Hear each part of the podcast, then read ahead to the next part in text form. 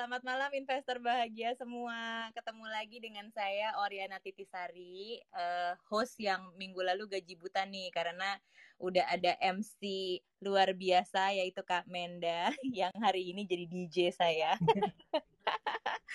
nah, uh, hari ini udah lumayan kita mulai sedikit lebih early nggak apa-apa ya guys, soalnya uh, kita mau coba-coba kan sebenarnya kemarin kan kita sempat bikin survei terus ada beberapa orang yang minta duluanan dong gitu. Jadi kita mau nyoba kalau kita mulai jam segini reaksinya gimana. Pokoknya thank you yang udah join.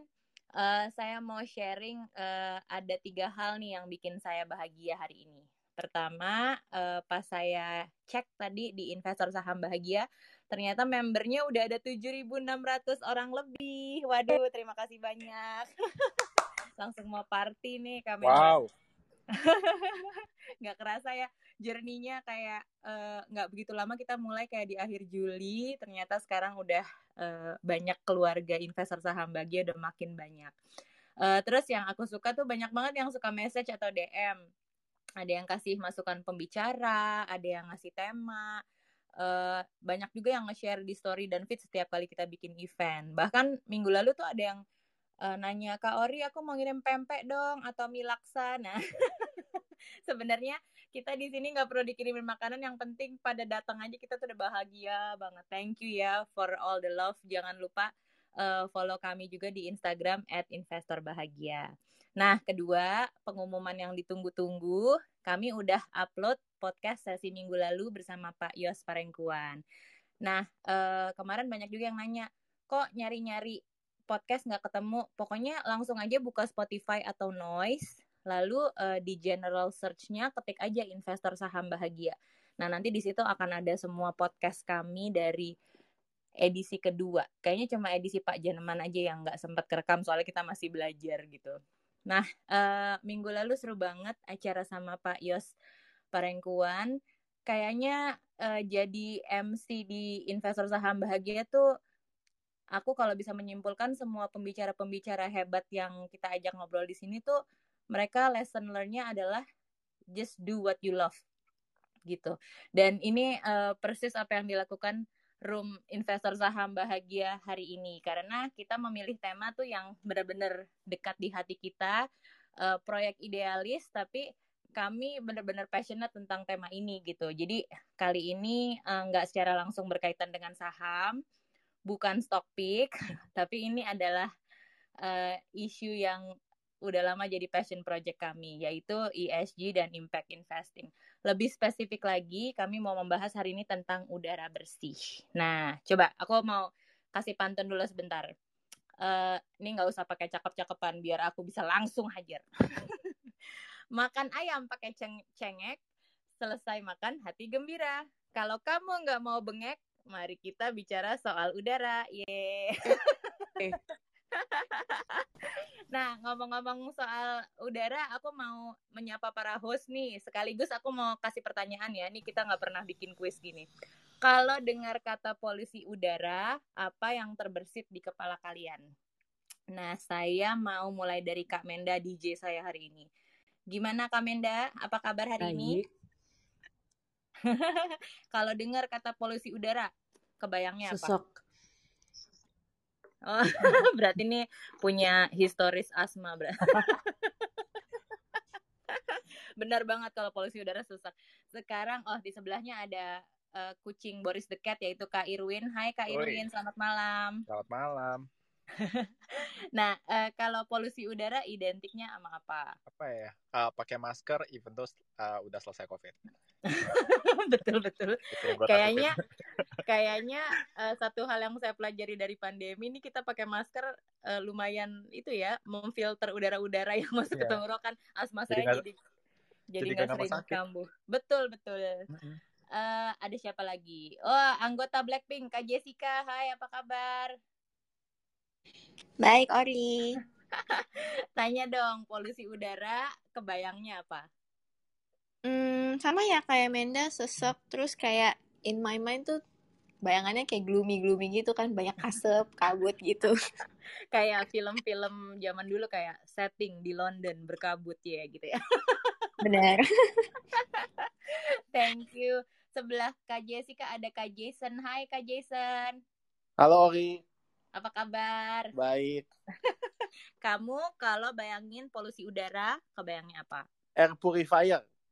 Waduh, nih pasti baru beli nih buat istri tercinta. Polusi udara, air purifier. Coba seandainya air purifier bisa dibawa ke mana-mana ya. Ditenteng keren. Sekarang ada Pak Wudi. Selamat malam Pak Wudi. Selamat malam Ori. Gimana Pantatnya hari cakep. Pantatnya cakep. ini? Hari ini ketemu polusi nggak Pak? Hari ini belum tahu sih di rumah aja. Oh. nah kalau Bapak mendengar kata polusi yang langsung terbayang apa? Kalau saya sih bayangin ini kan dunia ini kayak resource kita ya. Jadi eh, resourcefulness is the ultimate resource. Kalau ada kemauan pasti ada jalan keluar. Mhm. Oke oke benar, benar berarti polusi adalah sesuatu yang harus kita cari jalan keluarnya benar banget. Iya, Semoga mesti kudu. se- semoga pembicaraan kita hari ini bisa menyimpulkan itu nanti terakhirnya. Hari ini di rumah saya sih hujan agak lumayan deras. Nah, saya tuh paling suka hujan karena tuh kayak bersihin udara gitu, kayak semuanya langsung bisa bernafas dengan eh, tarik dalam-dalam gitu. Eh itu adalah pengantar saya menuju tema hari ini nih. Kenapa judulnya Investor The Last Airbender? Nah, penggemar film Avatar pasti langsung kebayang kan saat si karakter utamanya si Aang itu bisa mengendalikan empat elemen eh, yaitu api, udara, air dan tanah. Nah, itu dia lakukan untuk menjaga kedamaian dan kelangsungan bumi. Kita kan emang kalau di sini kan selalu ya ngait-ngaitin tema sama film biar eh, relate-nya lebih gampang. nah, eh, ini jadi tema kita karena eh, saya percaya juga sama seluruh host di sini dalam menjaga urusan kualitas udara itu kita sebagai investor tuh bisa mengambil peran gitu. Caranya gimana? Pertama, ya kalau bisa jangan nambah kadar polusi udara. Coba bike to work atau work from home gitu. Nah, kedua yang kita bisa lakukan adalah memilih untuk berinvestasi di perusahaan-perusahaan baik yang mengurusi masalah ini. Bukan cuma urusan udara ya, tapi juga masalah ESG lainnya. Uh, aku mau ngambil kutipan dari Jane Goodall. Dia bilang, what you do makes a difference and you have to decide what kind of difference you want to make gitu. Nah, yang bikin saya ngefans banget sama ketiga tamu kita adalah mereka semua sudah decide which side are they on gitu. Jadi perbincangan malam ini pasti seru banget dan sebelum aku ambil undang ke atas, aku mau perkenalin dulu eh, ketiga tamu kita, bio singkatnya. Pertama, ada Pak Pandu Syahrir. Eh, beliau salah satu titan yang juga pernah hadir berbagi di room kita di edisi awal-awal gitu. Nah, sekarang beruntung banget beliau sudi mampir lagi. Kami amat sangat bersyukur nih. Terus eh, Pak Pandu ini adalah komisaris di Bursa Efek Indonesia dan beberapa tech company kenamaan. Beliau juga adalah salah satu top investor di Indonesia. Nah, eh, aku barusan undang ke atas. Eh, semoga hari ini kita bisa ngobrol sama beliau ya tentang cara Pak Pandu memilih investasinya gimana. Hai Pak Pandu. Halo, selamat malam Selamat semua. malam. Selamat, selamat malam. Selamat malam. Apa selamat kabar? malam, Salam Manu. sehat Terima kasih semua. lagi. Siap, ikut perintah aja. Selalu bahagia ya kalau ada Pak Pandu di sini. Oke, aku oh Bu Ratna juga sudah naik. Eh, selamat malam Bu Ratna. Hello. Halo Saya mau Ratna. bacain bio singkat eh, Bu Ratna dulu ya. Eh, Bu Ratna ini mungkin eh adalah Bu Ratna ini adalah salah satu perempuan yang saya kagumi jujur. Eh mungkin Pak Pandu juga ngefans ya sama sama beliau. nah, Bu Ratna ini adalah Semoga. impact investor, pengusaha dan aktivis lingkungan. Eh dia lulus lulus dia lulus Master of Management in Hospitality di Cornell University dan sekarang eh, menjadi direktur di Potato Head Family. Nah, eh, Bu Ratna juga adalah investor dan board member dari beberapa perusahaan berdampak seperti Duanyam, eh, Bow Bakery, Waste for Change, dan Nafas. Nah, kali ini eh, Ibu Ratna hadir mewakili Bicara Udara yaitu bagian dari Yayasan Udara Anak Bangsa. Nanti kita tanya-tanya lagi ya Bu tentang Bicara Udaranya. Makasih dikasih kesempatan. Senang banget. Harusnya uh, kalau Papandu sama Bu Ratna bersama-sama itu kita mem, itu ya membahas rahasia keromantisan rumah tangganya. Tapi oh, kali boleh, ini silahkan. kali ini tentang uh, udara bersih dulu ya. Iya. Pasti dong. Nah, uh, di bawah juga sudah ada nih laki-laki uh, tampan banget nih dari fotonya terlihatnya uh, Pak Piotr Jakubowski. Hai Pak Piotr. Halo, selamat malam. nah, saya bacain dulu bio singkat Bapak. Pak Piotr adalah co-founder dan chief growth officer di Nafas. Uh, in, Nafas itu adalah sebuah perusahaan yang mempromosikan ekosistem kualitas udara di Indonesia, baik di outdoor dan indoor.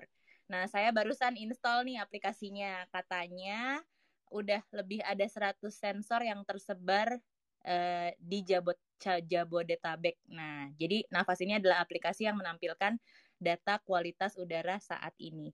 Uh, bisa langsung download ya anak-anak eh teman-teman yang ada di bawah.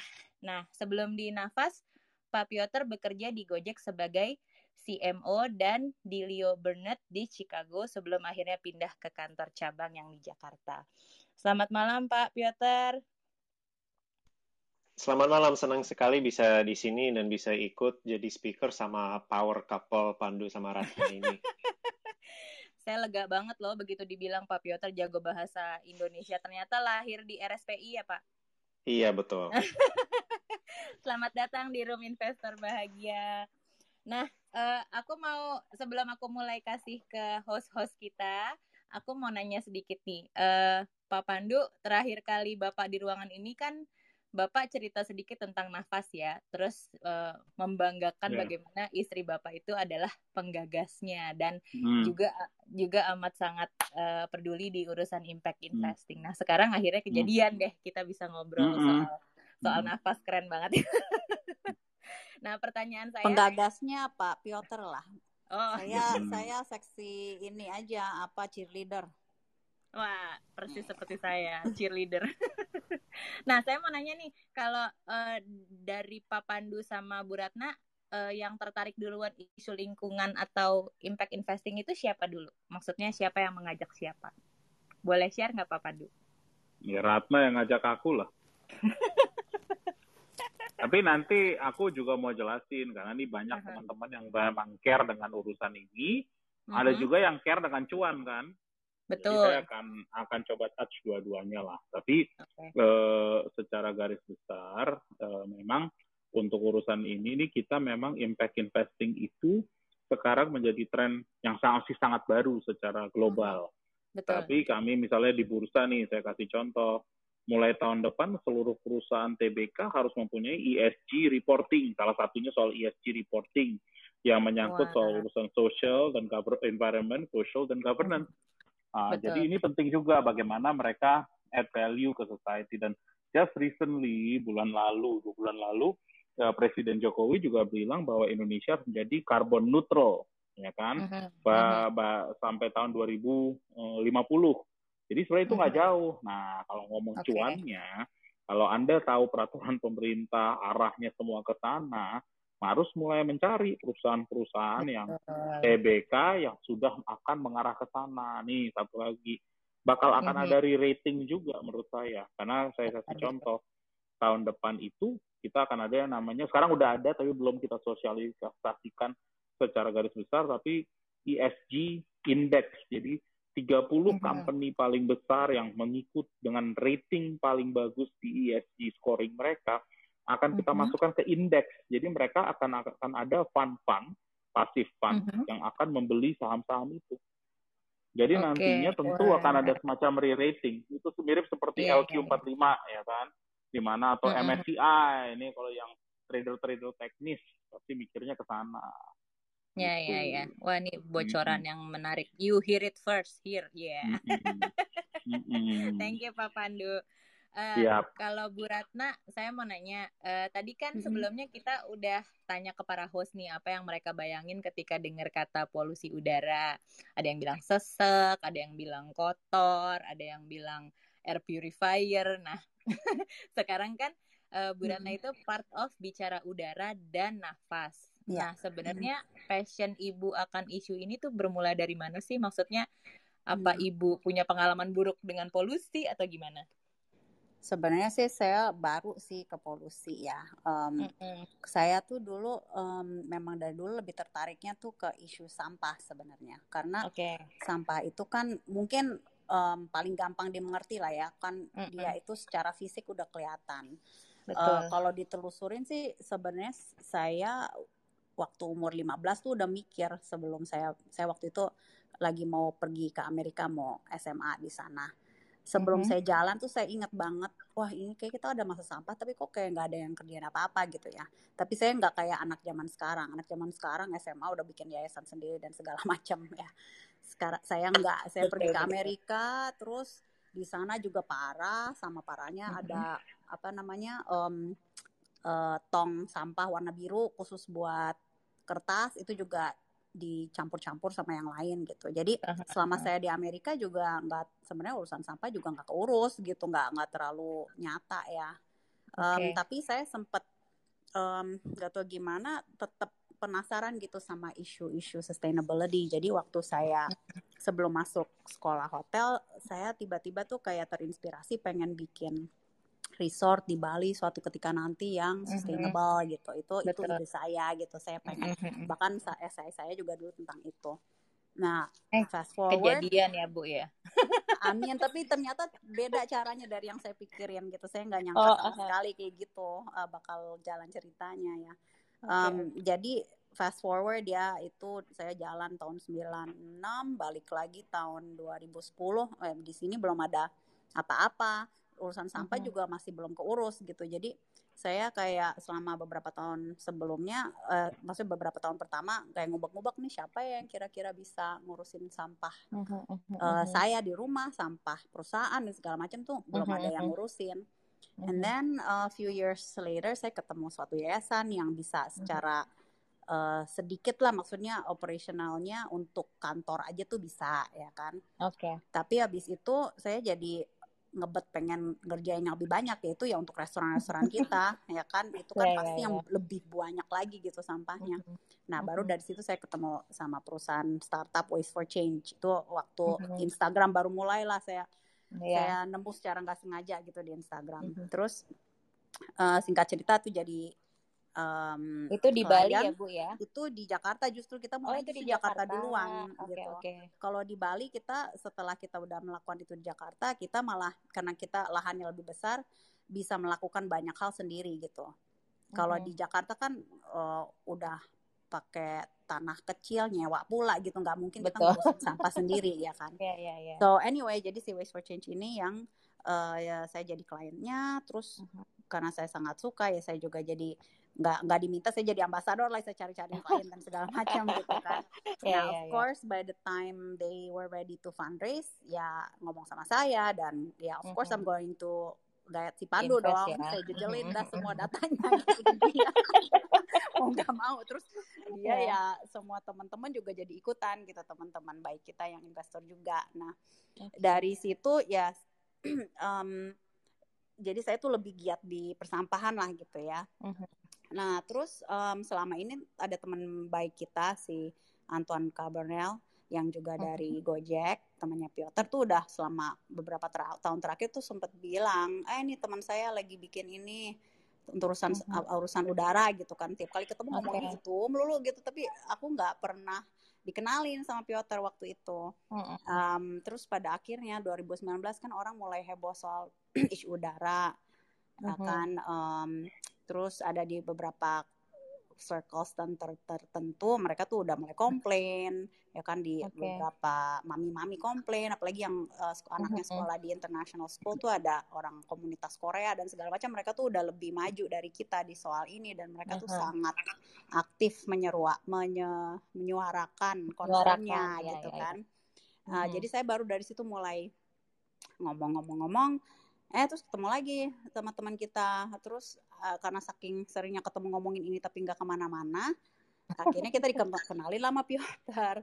Terus uh, mulai kenal lebih lanjut. Terus masih sibuk aja gitu kita komplain soal gini, tapi aduh kayaknya nggak mungkin kita atasin hanya dengan uh, perusahaan nafas aja gitu kan kita harus Betul. membuat orang awam pun juga ngerti kalau ini isu tuh ada ya kan mm-hmm. kita harus komplain oh, kita harus oh, ada oh, yeah, yeah, yeah. Uh, amarah rakyat supaya nanti change mm-hmm. will happen gitu kan so makanya Dan akhirnya itu kita bikin peduli ya bicara, bicara udara ya oh, itu juga okay. kita nggak sengaja ya tahun lalu baru mulai tahun lalu kita okay. mulai dengan uh, suatu uh, petisi di change.org mm-hmm um, dan kita ambil angle-nya nggak mau terlalu nyala-nyalain lah jadi kita ambil angle-nya yang semua orang bisa um, hopefully um, understand yaitu soal pembakaran sampah ya semua orang kan pasti mm-hmm. di kota tuh pernah lihat sih apaan sih ini orang masih bakar sampah betul, juga betul. gitu ya kan jadi kita pikir lebih lebih domestik ya kan anybody betul. can understand gitu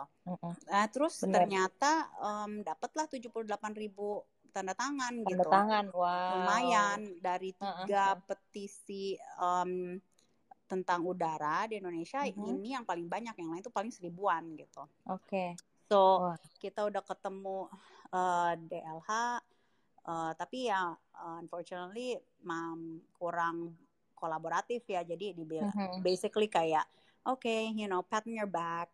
Kalau misalnya uh -huh. urusan persam apa bakar sampah itu bisa silahkan monggo dilaporin karena udah ada regulasinya tinggal dimasukin misalnya ke app Jaki nanti dikasih ya, sanksi. Ya, ya. Udah, udah gitu doang gitu. Jadi gitu padahal doang. kita tuh ya, mau ya, lebih ya. ya kan, kita mau ayo dong apa nih solusinya, ayo kita kerjain sama-sama. Ya, advokasi tapi, atau uh -uh, apa tapi gitu ya. kurang. Nah, uh -huh, dari situ aduh sayang banget ini 78 ribu suara ya kan. Uh -huh. um, mendingan kita melakukan sesuatu lebih, let's engage more people. Makanya dari situ kita bikin bicara udara, uh, kita pindahin ke Instagram platformnya, Twitter, terus kita bikin konten, kita mulai kenalan-kenalan dengan Eh, komunitas-komunitas uh, lain yang memang sudah mm-hmm. aktif di bidang ini. Kan kita sebenarnya orang awam um, jadi yeah, yeah, yeah, yeah. kita mulai kenalan lah dengan uh, researcher um, dengan penggiat-penggiat. Terus ternyata um, udah dua tahun nih ada apa um, ada lawsuit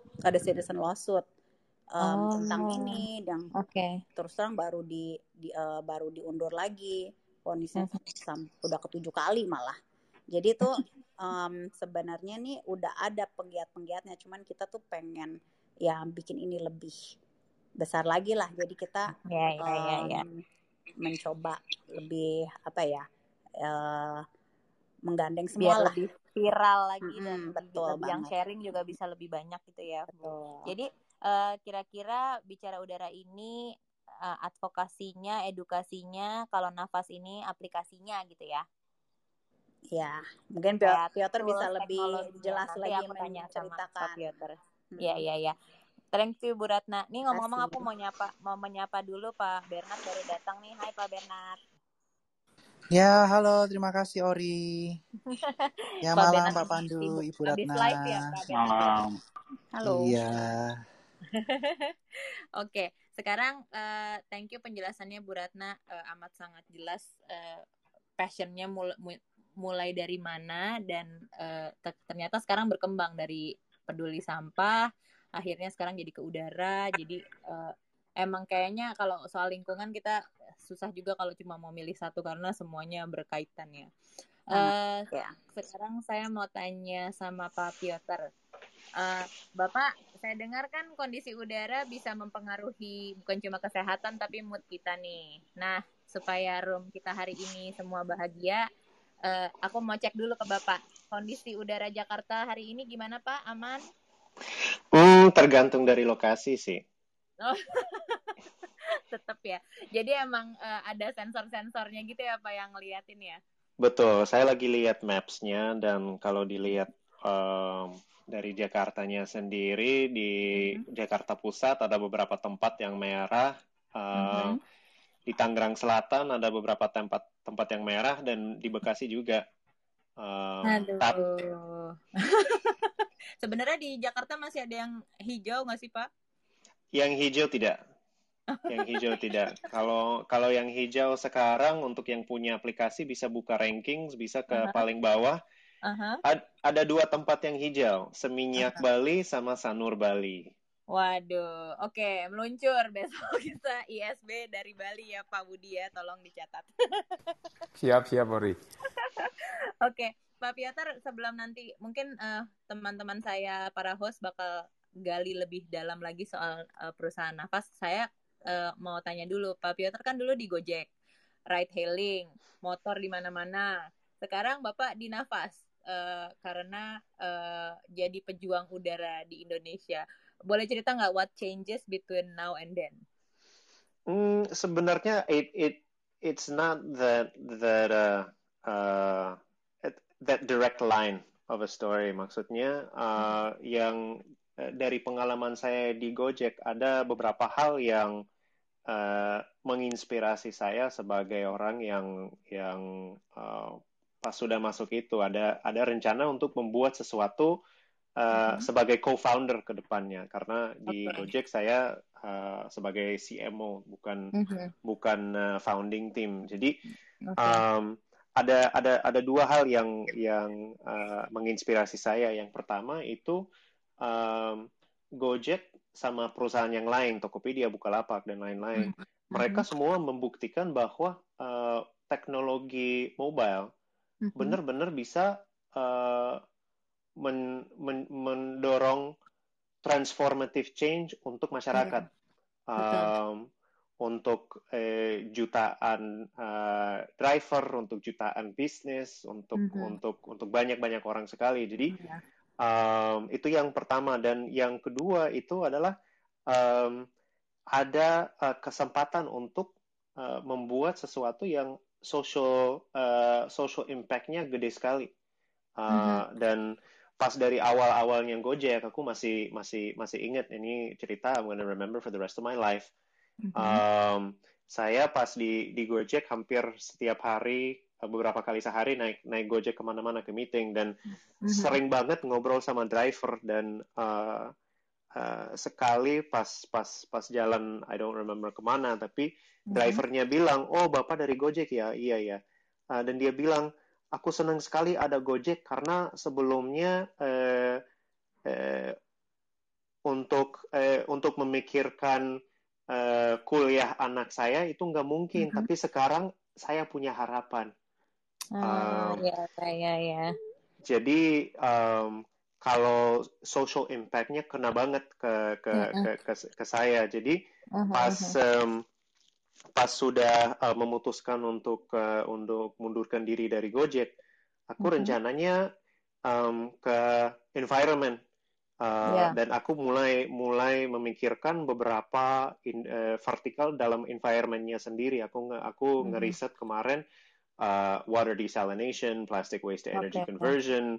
Uh, mm-hmm. electric vehicle, uh, solar microgrid, mm-hmm. sama decentralization of energy, sama yang terakhir itu polusi udara. Nah, kenapa okay. kenapa polusi udaranya paling tertekan itu karena saya kena dengan masalahnya di rumah saya di Jakarta Selatan. Uh -huh. um, jadi uh, uh, waktu itu masih masih riset uh, uh, konsepnya. Aku pasang sensor uh -huh. kualitas udara di uh, di taman uh, rumah saya yang yang hijau okay. sekali, yang ada banyak pohon, dan okay. dari dari semua yang saya di apa namanya diedukasikan sebelumnya mm-hmm. di dalam taman yang hijau dan pohonnya ada ada banyak itu artinya aku aman dari polusi udara karena ya, udara betul. terfilter ya pak ya? Betul betul. Dan kan masalah polusi udara di Jakarta itu bukan sesuatu yang baru right? Itu we've had it for a while right? Um, so it's not something completely new. Nah, aku aku waktu itu masih kira oke okay, di tempat ini saya aman, tapi ternyata di sensor kualitas udara uh, saya levelnya 30% lebih tinggi dari Jalan Sudirman. Jadi aku hmm. kayak ada aha momennya why is this happening and uh, the rest you can say is kind of history because yeah, yeah, dalam yeah. dalam proses mencari semuanya dalam proses um, ketemu ketemu lagi dan ngobrol lagi sama sama Nathan co-founder dan CEO um, kita uh, baru baru uh, uh, waktu itu uh, bikin keputusan bahwa ada satu bisnis dalam polus eh, dalam kualitas udara yang kita mau membangun waktu itu. Mm-hmm. Gitu. Jadi okay. uh, jadi uh, um, uh, Gojek ini jadi inspirasi social inspirasi. impact sama okay. teknologi. Oke, okay, jadi how you can use technology to transform life sebenarnya ya Pak ya. Iya, sebelumnya yeah, yeah, kan yeah. sebelumnya saya di bidang advertising, right? Jadi yeah, betul penjualan Coca-Cola sama laundry detergent, you know, it it's laundry detergent is important, but it's not necessarily as life changing as the air that we breathe, right? betul betul. Apalagi tadi tertarik banget uh, di taman rumah bapak aja, ternyata kualitas udaranya begitu. Padahal kan itu tempat kita sehari-hari gitu kan. Jadi apakah emang kita harus di rumah aja nih? mengurung diri atau gimana. Nanti kita obrolan lebih lanjut ya. Thank you. Yeah. Uh,